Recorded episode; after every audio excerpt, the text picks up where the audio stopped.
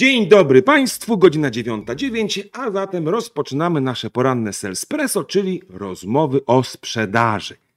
I uwaga, dziś mam wyjątkowego gościa. Gość nazywa się Andrzej Twarowski. Tada!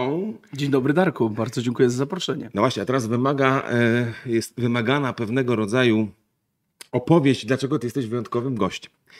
E, Otóż Państwo tego nie wiecie, ale ja to doskonale wiem, że po pierwsze, Andrzej Twarowski jest znakomitym konsultantem i trenerem Sandlera, czyli ten odcinek będzie jakoś o Sandlerze, ale co ważne, Andrzej jest pierwszym trenerem Sandlera w Polsce. I cały Sandler nie zaczął się od Dariusza Milczarka, tylko od Andrzeja Twarowskiego. Darku, bardzo dziękuję za to wprowadzenie. Ja do dzisiaj pamiętasz, jak, jak mnie i Gosię odebrałeś z lotniska Tak. i pytałeś się w samochodzie, odwiezłeś mnie do domu i pytałeś się w samochodzie, to co tam w tym Sandlerze? Powiedzcie, powiedzcie, szybko, szybko. Pamiętam do dziś. Tak No. I minęło od tego czasu z 15 lat. 17. 17 17, lat? 17 lat my, mnie słuchaj w maju, bo wróciliśmy gdzieś w końcówce maja, także 17 lat słuchaj. Ja cię kręcę, 17 lat. No dobrze, ale te wspomnienia. 17 lat w Sandlerze. No to długo, czyli mamy taki japoński model e, wiesz, za- zachowania się w, jako pracownik korporacji. No dobrze. Tośmy sobie taki wstęp pitu-pitu zrobili na początku, ale to wszystko jest uzasadnione, dlatego że dziś rozpoczynamy taką podróż, która dla wszystkich konsultantów Sandera, trenerów Sandera, sprzedawców, którzy działają modelem Sandera, wydaje się być absolutnie kluczowa w kontekście bycia efektywnym. A mianowicie będziemy mówić o kwalifikacji. To jest w ogóle trudne słowo.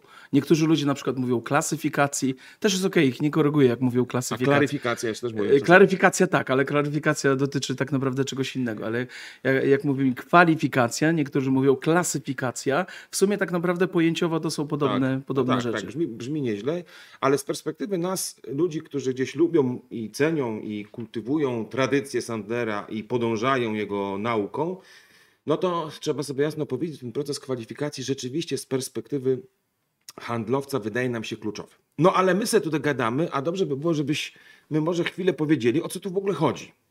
Andrzej, powiedz, co dla ciebie kryje się pod słowem kwalifikacja? Kwalifikacja e, jest to rzecz, która e, tak naprawdę jest piękna w Sandlerze, dlatego że ona e, w, pewnym, w pewnych słowach prowadzi do tego, że to my wybieramy klienta. Okej. I teraz to my wybieramy klienta, e, może się wydawać e, dosyć takim odważnym stwierdzeniem, zwłaszcza jak ktoś działa w takim trybie, e, biorę, że tak powiem, każdego, kto się rusza, e, sprzedam tak. każdemu, kto tak naprawdę ma, ma potrzeby. A, a, a trochę to obrazując to e, i nazywając to innymi słowami, kwalifikacja służy do tego, żebym rzetelnie ocenił, na ile ja jestem w stanie zrobić biznes z tą osobą, którą rozmawiam. Okej, znaczy właściwie tak naprawdę z perspektywy sprzedaży to nie zawsze dotyczy to wyłącznie języka Sandlera, bo przecież proces kwalifikacji to jest nic innego z tej perspektywy, o której mówisz, jak taka analiza potencjału, prawda? I w efekcie czego za, za nią powinna być jakaś decyzja o moim poziomie zaangażowania się jako sprzedawcy, prawda, do, w relację z tym klientem. To tak można na to powiedzieć z grubsza? Tak to można z grubsza powiedzieć I, i to też wychodzi z takiego założenia, to bardzo często mówię i na przykład mogę powiedzieć, nawet Dariusz Milczarek nie sprzeda każdemu. Oczywiście. Nawet Andrzej Twarowski nie sprzeda każdemu, pomimo 17 lat w Sandlerze. W związku z tym to trochę Ale wychodzi... będzie, może nie, nawet nie o to chodzi, żeby sprzedał każdemu, prawda? Właśnie o to chodzi, żeby, żeby niektórym sprzedać tylko. Dokładnie tak, dokładnie tak. I, I ponieważ jest jeden zasób, który jest nieodnawialny i de facto jak ktoś działa w sprzedaży albo po prostu jak jest fachowcem, to, e, to najczęściej narzeka na brak jednego zasobu, jakim jest czas. W związku z tym e, e, tego czasu, który jakby włoży i za- i zainwestuje w coś, co później nie, nie, nie, zmaterializuje się, on już jest nieodzyskany. W związku z tym kwalifikacja służy do tego, żebyśmy faktycznie ocenili potencjał, zanim tak naprawdę na dobre się zaangażujemy w rozmowy z klientami, w przygotowanie propozycji, wariantów propozycji, wariantów do wariantów i tak dalej. No tak, tak ale dalej. myślę, że ta kwalifikacja jest taką, takim pojęciem, które jest, dotyczy właściwie wszystkich obszarów czy branż sprzedażowych, to znaczy, czy to Właściwie każdy handlowiec, niezależnie od tego, czy on pracuje w sklepie, do którego przychodzą goście, czy też on wychodzi do klienta trudnego, jakiegoś rozwiązań IT, to, to jest jakiś proces kwalifikacji, czy nie? Y, Wiesz co, no w sklepie to może nie do końca, no bo Jak z to, drugiej strony, no wiesz, są przecież tacy ludzie, którzy przychodzą i się głównie apaczę, prawda, rozglądają się. No to w pewnym sensie można przyjąć, że umiejętność rozpoznania, kto jest apaczem, a kto przyszedł coś kupić, to jest proces kwalifikacji. Oczywiście, że jest proces kwalifikacji. Ja przecież w sklepie to skojarzyłem, że dzisiaj rano po chleb poszedłem. No to tr- trudno mi sobie wyobrazić, że pani mnie w sklepie kwalifikuje. Czy pan ma 20 zł na cztery No tak. chleba? No nie, to tylko wtedy z perspektywy pieniędzy by było, ale rozumiem, że z pewnej gotowości też, Tak, nie? tak, tak. Ale, ale y, dokładnie to, co mówisz, to, to jest w ogóle zmora e, faktycznie wielu sklepów, gdzie ludzie przychodzą, tam gdzie faktycznie potrzebują zasięgnąć jakiejś opinii, robią coś, co skądinąd nazywamy bezpłatnym konsultingiem, a później wchodzą Tak. e, i tak naprawdę kupują gdzieś, co jest najtaniej. Ja akurat dosyć często handlowcom mówię, z chęcią od pana kupię, ale tu mam cenę internetową, co pan na to? No bo chcę docenić tę robotę, którą ktoś wykonał, w związku z tym, ale to No tak, ale na też, a propos tych sklepów, to też czasami to można jednak pewien błąd popełnić, bo jednak ludziom się zwykle kojarzy ta kwalifikacja z, z zasobnością portfela. Mhm. I przecież jest mnóstwo takich śmiesznych historii, jak to przychodzi do salonu samochodowego jakiś taki gość, którego wszyscy podejrzewają, że no, polska wersja kloszarda, po czym wyjmuje z, z torebki cash i płaci za jakiegoś now- nowy model Mercedesa. Takie historie są. Czy są prawdziwe, nie wiem, ale na pewno są jako opowieści przekazywane, wiesz, z jakby, z, nie chcę powiedzieć z dziada na dziada, ale z handlowca na handlowcę. Pytanie, czy to chodzi tylko o kasę? To nie chodzi tylko o kasę. Yy, Pierwszym podstawowym elementem jest tak naprawdę zobaczenie, czy to, co ja mam, czy to, co oferuję, jest w ogóle tak naprawdę potrzebne klientowi. Okej. I yy, gdyby uogólnić, to możemy to nazywać badanie potrzeb. W Sandlerze to nazywamy trochę inaczej. Możemy e, później ten wątek rozwinąć, mianowicie ból. ból. Tak. Czyli inaczej mówiąc, jaki problem po stronie klienta rozwiązujemy. Bo, bo jeśli, i wczoraj nawet miałem taką sytuację, zidentyfikujemy jakiś problem po stronie klienta, którego my z takich czy innych powodów nie potrafimy rozwiązać, albo nie chcemy rozwiązać, bo, bo taka jest nasza strategia, no to po co, że tak powiem, brnąć dalej? No zgoda, ale to w takim razie zobaczmy, gdybyśmy się mieli trochę teraz yy, pomądrzyć na temat taki. Co jest potrzebne, żebyśmy dobrze potrafili skwalifikować klienta? To znaczy, co my musimy, co my musimy w ogóle zrobić, żeby ten proces jakoś dobrze zdefiniować, nie wiem, zrobić, tak? Bo mówiłeś o tym, że musimy wiedzieć, jaki jest klient po pierwsze, tak? Bo to, to jest chyba klucz, co? To- jest w ogóle wątek, który moim zdaniem zasługuje na osobną rozmowę, bo wiele osób, z którymi e, rozmawiam, zarówno na poziomie handlowców, ale też na poziomie właścicieli, często niestety to też występuje e, w większych firmach, nie ma dokładnej jasności, kto jest moim takim idealnym klientem. Czyli tak naprawdę, jak chcę kwalifikować, to kogo? No dobra, ale to znaczy, że najpierw muszę sobie odpowiedzieć na Możemy dzisiaj chwilkę jeszcze o tym porozmawiać. Czyli pierwszą rzeczą to muszę wiedzieć, jaki to jest klient, ale z perspektywy, jak byś na to popatrzył? Czy z perspektywy, nie wiem, czy ten produkt po prostu jest ci jakkolwiek potencjalnie potrzebny? Czy chodzi właśnie o wielkość klienta? Jak, jak, jakie są elementy tego klienta, które musisz wziąć pod uwagę? Y, Elementy klienta tak naprawdę najprościej, jeżeli ktoś już działa w sprzedaży, to najprościej jest zrobić pewną retrospekcję. To znaczy zobaczyć, z jakimi klientami do tej pory współpracowałem, co tym klientom tak naprawdę e, to dało, jakimi e, takimi wskaźnikami e, pewnymi demograficznymi mógłbym tego klienta opisać. Demograficznymi, ale też dotyczącymi na przykład branży, wielkości firmy, Okej. stanowiska, jakie problemy tak naprawdę rozwiązuje i tak dalej, i tak dalej. Czyli Inaczej muszę sobie- mówiąc... Czyli takiego, muszę sobie, tak rozumiem, narysować takiego optymalnego z perspektywy mojego biznesu prospekta, czy tam klienta, prawda? To coś takiego? Tak, dokładnie tak. Je, je, jest, y, jest takie powiedzenie, cytat z Elitki z Krainy Czarów, którą dosyć często powtarzam.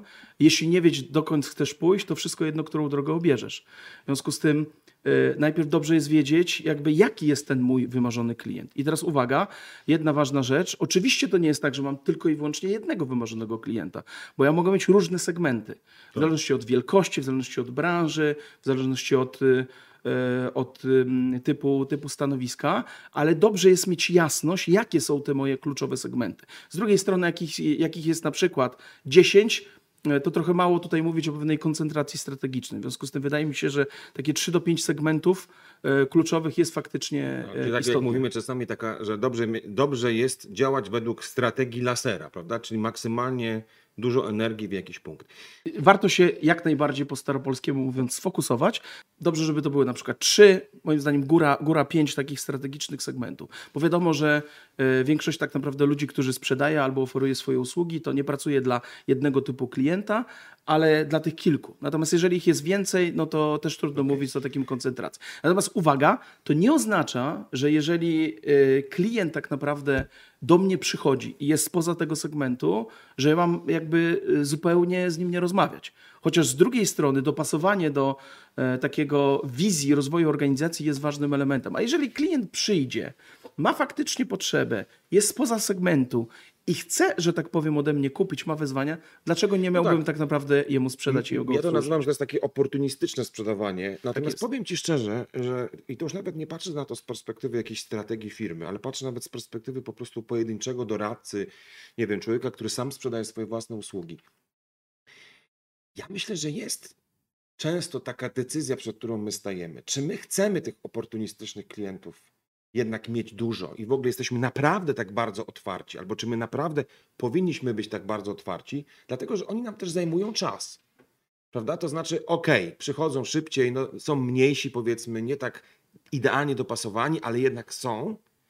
Co perspektywą, może duże organizacje są tyle to łatwiejsze, bo masz tych zasobów więcej, ten weźmie to, tamten, tamto, ale jak jesteś sam handlowcem i musisz podejmować decyzję, czy się zająć tym klientem, czy się zająć tym klientem, no to trochę jest już pytanie, czy ja rzeczywiście powinienem się koncentrować na tym kliencie, który jest taki, wiesz, przyszedł, bo chce. To, to jest bardzo ważne pytanie. Tak naprawdę zależy na jakim etapie rozwoju ktoś jest. Bo jeżeli ktoś zaczyna i nie ma, że tak powiem, innej opcji, no to trochę nierozsądne by było, żeby tej oportunistycznej szansy, że tak, powiem, nie wziął i się nie schylił. Z drugiej strony, jeżeli ktoś działa tak długo, Darko, na rynku jak ty, to tak naprawdę warto spojrzeć faktycznie, gdzie ja chcę inwestować swój czas, gdzie ja, że tak powiem, chcę poświęcać. Ale z drugiej strony, jeszcze biorąc pod uwagę, jeżeli ktoś jest w pozycji albo menadżerskiej, albo jakby bardziej doświadczonego handlowca, czy konsultanta, czy, czy, czy nie wiem, doradcy, to tak naprawdę te tematy oportunistyczne ja mogę delegować. I to też jest, to też jest pewna rzecz, tak, bo, mogę nowym bo, bo, ludziom dać Mo, mogę nowym ludziom, to jest najlepszy czasami sposób, żeby, żeby kogoś wyszkolić, żeby ktoś się, że tak powiem, realnie nauczył. W związku z tym warto z tej perspektywy patrzeć, no ale jeżeli ja nie mam za dużo opcji, no to, no to e, tak naprawdę warto korzystać z tego, co jest. Dobra. Okej, no to ja mam takie poczucie, że, że to, co na pewno żeśmy sobie tutaj e, wspólnie przedyskutowali, to to, że jakby w ogóle należy zacząć od zdefiniowania, zrozumienia, kim jest mój klient i raczej koncentracji na tym idealnym, optymalnym kliencie. No dobra, a teraz wróćmy do tego procesu kwalifikacji. To teraz, gdybyśmy go mieli go trochę bardziej rozłożyć na czynniki pierwsze, co my musimy zrobić? Jakie elementy musimy tak naprawdę dotknąć, żeby mieć poczucie pewności, że idziemy dobrą drogą?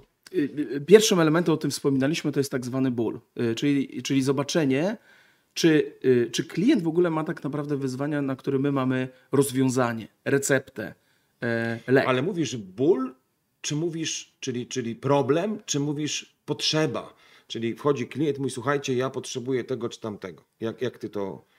I to, jest, I to jest w ogóle bardzo ciekawe, bo wielu ludzi, jak e, pierwszy raz słyszy o bólu, to mówi, no tak, czyli to taka potrzeba.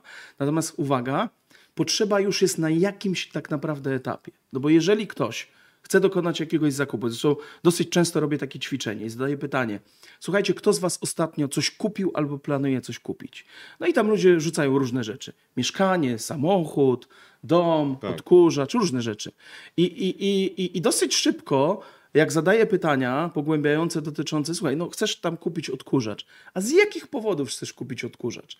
To nagle się okazuje, że ta historia z odkurzaczem, ona zaczęła się dużo wcześniej. Bo się okazuje, że komuś na przykład zajmowało dużo e, czasu e, sprzątanie, bo się okazało, że na przykład żona narzekała, że ciągle jest bałagan, bo się okazało na przykład, że e, ktoś odczuwa pewien dyskomfort, jak przychodzi do domu i jest, że tak Albo powiem, słabo ciągnie na przykład. albo słabo, słabo ciągnie i dopiero w pewnym momencie pojawia się moment, ok, potrzebuję na przykład autonomiczny odkurzacz i to, i to jest potrzeba. I, I paradoksalnie najczęściej klienci wychodzą na rynek, żeby szukać jakiejś, em, jakiejś właśnie potrzeby, rozwiązania jakiejś potrzeby, jak już trochę to historia u nich e, Tak, czyli- zapracowała. Czyli można powiedzieć coś takiego, że jakby potrzeba pojawia się wtedy, kiedy zaczynam werbalizować to, co będzie receptą na mój problem. Trochę można tak powiedzieć, że tak jest. mamy, mamy problem, problem, problem, problem, problem, nagle e, Darek, kurna, idź kup odkurzacz, bo już tak, tak, tak. A jaki? No, da, da, da, da. no dobra, idę teraz do sklepu i mówię, szanowny panie, chciałbym odkurzacz, żeby był duży, mocny, cichy i mocno ssący. Tak? To, to jest coś takiego. Tak jest. No tak tak, jest. ale tak jak powiedziałeś, czyli, ale no tak, tylko że, bo dlaczego my mówimy o tym, że ten ból jest ważniejszy niż potrzeba? Bo właściwie dlaczego lepiej się koncentrować, twoim zdaniem, na wyzwaniu, problemie, czyli czymś, co jest wcześniej, niż na tym, co klient przychodzi i mówi, że chce? W ogóle, i to też jest pewien paradoks, bo my mówimy ból, ból, znajdź to wyzwanie po stronie klienta, dotknij tak naprawdę problemu, z którym się styka klient albo może się stykać e, w przyszłości. Natomiast według mnie warto tak naprawdę zacząć od takiego kroku trochę zerowego, czyli żeby w ogóle zrozumieć klienta. Czyli na początku w ogóle nie rozmawiajmy o problemie, bo też mam takie doświadczenia, że jak za szybko zadałem pytanie pod tytułem to jakie pan ma wyzwania sprzedażowe, gdzie klient tak naprawdę powiedział no jakie wyzwania sprzedażowe? Nie mamy żadnych wyzwań sprzedażowych. W związku z tym na początku trzeba klienta rozgrzać, trochę poznać jego sytuację, kontekst. E, chociażby w tym prostym przykładzie z odkurzaczem, okej, a jaką pan ma powierzchnię do odkurzania? Z czego pan korzystał do tej pory? Jak to się sprawdzało? To są wszystko informacje, które są ważne, ważne, które budują po stronie klienta takie poczucie, nareszcie człowiek zaczyna mnie tak naprawdę rozumieć i dopiero w pewnym momencie możemy przejść naturalnie do tego e, pytania o wyzwania, czyli co panu przeszkadzało, dlaczego pan tak naprawdę chciałby to zmienić i tak dalej, i tak dalej. Ale dlaczego według Ciebie? Bo to ja zawsze się, y, też takie toczymy rozmowy y, często z ludźmi, których, którzy są na różnych naszych programach czy szkoleniach. Dlaczego lepiej, tak co do zasady, jest rozmawiać o problemach najpierw, czy w ogóle koncentrować się na tych wyzwaniach, bólach, a nie koncentrować się na potrzebach, które są jakby na wierzchu bardziej? Czemu według Ciebie jednak ważniejszy jest ten poziom pierwotniejszy, nazwijmy to, w czasie, wcześniejszy? No bo jeżeli przyjdziesz i ktoś powie, potrzebuje mocny odkurzacz, to handlowiec zaczyna się skupiać na parametrach tego rozwiązania. Proszę pana, tu jest taki odkurzacz o takich parametrach i takiej mocy, a tu jest taki, a tu jest taki. I tak naprawdę skupia się na produkcie, na rozwiązaniu, a nie na No kliencie. tak, ale też jeszcze zobacz, jest jeszcze jedna rzecz, która chyba jest tutaj ważna, tak mi się wydaje, że jeżeli klient już przychodzi z gotową propozycją, to on ma pewien pomysł na to, jak rozwiązać swój problem. Ale on nie ma pojęcia być może, że jego problemy można rozwiązać inaczej, niż on chciałby rozwiązać. Przychodzi i mówi tak, chcę odkurzacz, który mocno się. A się okazuje na przykład, że są odkurzacze, które delikatnie są, są, natomiast mają jakiś inny mechanizm, który potrafi lepiej to wyczyścić, tylko że on tego nie wie.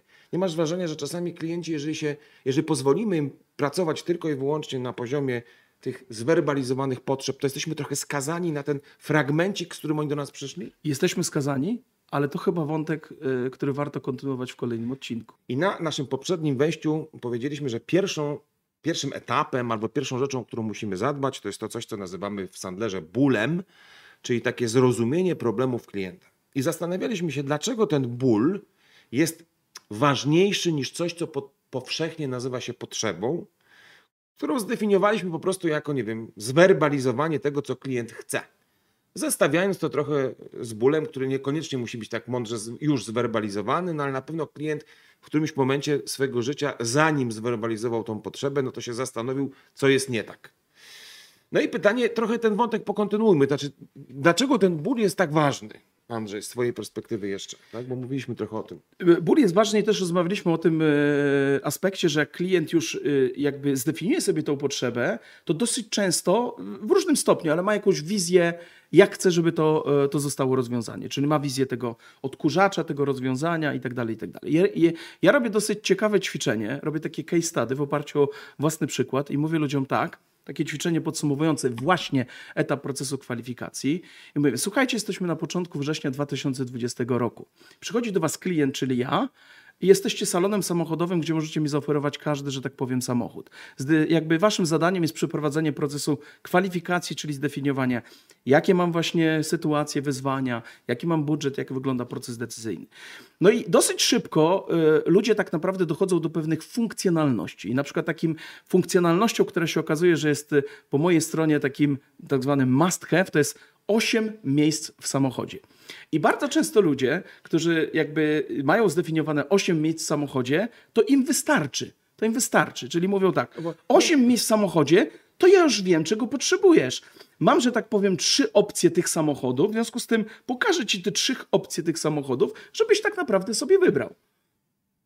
E, I, i, i, I brakuje takiego elementu zrozumienia, ok, 8 miejsc, no ale do czego pan potrzebuje te 8 miejsc? Co pan będzie, nie wiem, robotników, że tak powiem, woził, taksówkę na lotnisko, e, lubi pan mieć dużo miejsca, ma pan, e, nie wiem, teściową wozi, a może na przykład ma pan dużą rodzinę. Brakuje ludziom takiego No elementu. dobrze, ale jaka, jest, dobra, ale jaka byłaby różnica? No bo y, akurat w twoim przypadku y, ilość, ro, ro- rodzina duża, wielo, wielo, nie chcę powiedzieć wielodzietna, duża rodzina, dużo dzieci, y, no to to jest jakoś oczywiste, tak? Ale jaka jest różnica?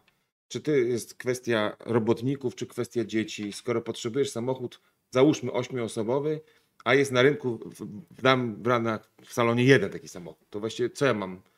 Po co mi ta wiedza swojej perspektywy? Ta, ta wiedza jest potrzebna do jednej rzeczy, bo paradoksalnie większość grup dochodzi do właściwego rozwiązania produktowego.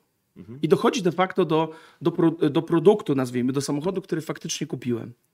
I mają zdefiniowany, jaki to jest samochód, jaka marka, Tak. jaki model, jakie tam ma mieć wyposażenie i tak dalej, i tak dalej. Natomiast ludziom trochę pokazuje, y, słuchajcie, jeżeli dwie te same osoby dojdą do bardzo podobnego rozwiązania produktowego, to od kogo klient tak naprawdę będzie chciał kupić? Czy od tego, który po prostu skupi się na produkcie, czy od tego, który pokaże, że ktoś mnie rozumie? Okej, okej, rozumiem. Czyli, czyli tym samym trochę można powiedzieć, nie inwestując ani jakiegoś e, du, dużych, e, dużych nakładów finansowych, ani w, ani w sumie nie inwestując e, dużo czasu, mogę tak naprawdę zbudować istotną różnicę w percepcji klienta, z kim, od kogo chciałbym No tak, tak, ale naprawdę czyli, kupić. czyli z tej perspektywy wygląda na to, że kluczowe to jest to, żeby, że ten ból daje taki też sygnał, że się lepiej rozumiemy, że trochę więcej dla mnie znaczysz z perspektywy klienta, bo próbuję zrozumieć tę sytuację. Ale wiesz co, ja mam też takie poczucie, że czasami ludzie przychodzą z, jakimś, z jakąś propozycją rozwiązania. Dobrym przykładem są nawet szkolenia. Wielokrotnie ktoś mówi tak, Darek, potrzebuje dwudniowego szkolenia z negocjacji dla e, sieci tam z, z kupcami zakupowymi, żeby techniki wywierania wpływu i sztuczki tam jakieś wprowadzić. No i okej, no i większość firm szkoleniowych mówi, proszę bardzo, oto program, mogę dopytać coś tam na ten temat. Potem się okazuje, jak zadasz, no dobrze, ale po jaką cholerę chcesz to szkolenie dwudniowe? Się okazuje, że tak, że na koniec się okazuje, że ten problem w ogóle z czego innego wynika, bo może to nie chodzi o sztuczki negocjacyjne, tylko za późno o czymś rozmawiasz. I jak wejdziesz w te szczegóły, to się nagle okaże, czyli w ten ból, że to, z czym przeszedłeś na początku, jest zupełnie czymś innym, niż wychodzimy na końcu. Czyli, że się myliłeś jako klient. De facto, prawda? Nie jest tak? Tu, tu, tu- się kłania e, jedna z zasad Sandlera. Problem, z którym przychodzi do ciebie klient, tam akurat jest y, powiedziane, nigdy nie jest jego prawdziwym problemem. To może nigdy jest przerysowane, ono jest celowo przerysowane, ale czasem faktycznie tak się zdarza, że klient przychodzi z jakąś wizją rozwiązania.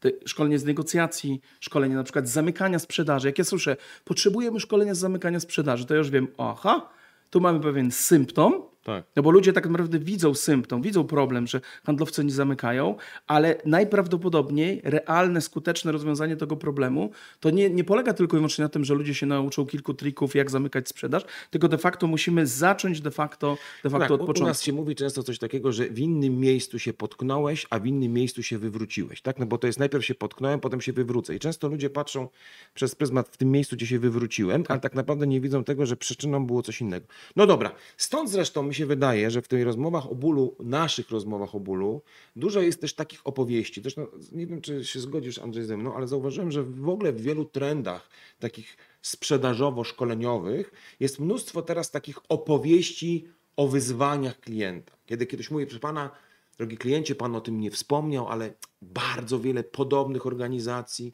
czy podobnych osób mierzy się przynajmniej z trzema, czterema takimi kluczowymi wyzwaniami, o których często nawet nie mówią albo sobie z nich nie zdają sprawy. Po pierwsze, po drugie, po trzecie. Czyli, że ten sprzedawca ma trochę taką rolę, wiesz, kreatora pewnych problemów, czy takiego konsultanta, który wszystko wie. To jest w ogóle, zobacz, też taki trend, który trochę e, właśnie idzie drogą tego bólu, że on jest ważniejszy. Nie masz wrażenia, że to... To jest bardzo ważny aspekt, bo wielu ludzi się pyta, no dobrze, a co jeśli klient nie jest świadomy swoich wyzwań? Bo czasami pewnych wyzwań nie jesteśmy świadomi. To jest tak jak z pewnymi problemami zdrowotnymi.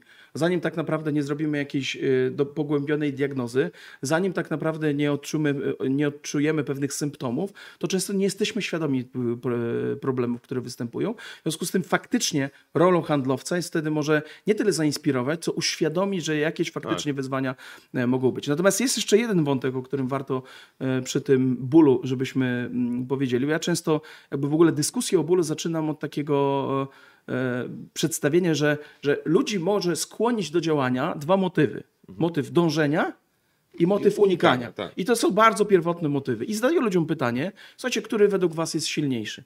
Większość ludzi odpowiada, że unikanie, że unikanie. I, e, I faktycznie, no to będę Daniel Kahneman udowodnił, że motywacja do uniknięcia straty jest silniejsza od, od chęci do uzyskania, Znaczy, do uzyskania zysku. no, zawsze ucieczka przed niebezpieczeństwem, czy jakby taka, taka czujność jest silniejsza niż poszukiwanie doznania, nawet czasami jedzenia. Tak? Najpierw ucieknę, a potem dopiero będę szukał czegoś innego. Dokładnie tak. Okej. I, I jak zadaję ludziom te pytania o, w tym przykładzie, co ostatnio kupiliście albo planujecie kupić, to ten motyw dążenia czasami się pojawia. Ale ciekawe jest to, że tam, gdzie ten motyw dążenia się pojawia, to dosyć często nie ma takiej determinacji, żeby coś z tym zrobić, żeby szybko ty, z tym zrobić. Bo w ogóle w praktyce motyw dążenia i unikania, one się przenikają. Natomiast uwaga, pomimo tego, że w pierwszej kolejności powinniśmy szukać tego, tego bólu, tego motywu unikania, bo to jest najsilniejszy motyw, który może skłonić kogoś do działania, to warto jednak pamiętać o tym motywie unikania. Na przykład w przykładzie samochodu to jaki kolor tego samochodu, bo uwa- uwaga, finalnie to może mieć znaczenie. Okej. Finalnie może mieć znaczenie. Tak, ale to trochę rozumiem, że żeby to unikanie, czy ten ból jest takim większym, że ja sobie uświadomię jako klient, że mam z czymś problem, to w znacznie jest większe prawdopodobieństwo, że coś z tym zrobię jednak, bo czuję ten problem na sobie, niż jak sobie tylko zwizualizuję jakieś swoje marzenie i tak dalej. No dobra, to jest jakiś pierwszy taki krok kwalifikacji, rozumiem, czyli dobre zrozumienie bólu, tak? Tak można by to Tak powiedzieć. Czy, czy, czy ja mam rzeczywiście rozwiązanie, czy produkt, który będzie dopasowany do Twojego wyzwania, czy będę potrafił to wyzwanie jakoś zneutralizować, czy ten ból trochę uśmierzyć? Czyli muszę w pierwszej kolejności sprawdzić, czy masz ból, który potrafię rozwiązać. Dokładnie tak. A o kolejnych No właśnie, ale to nie koniec. Będziemy rozmawiać o tym już jutro. Do zobaczenia.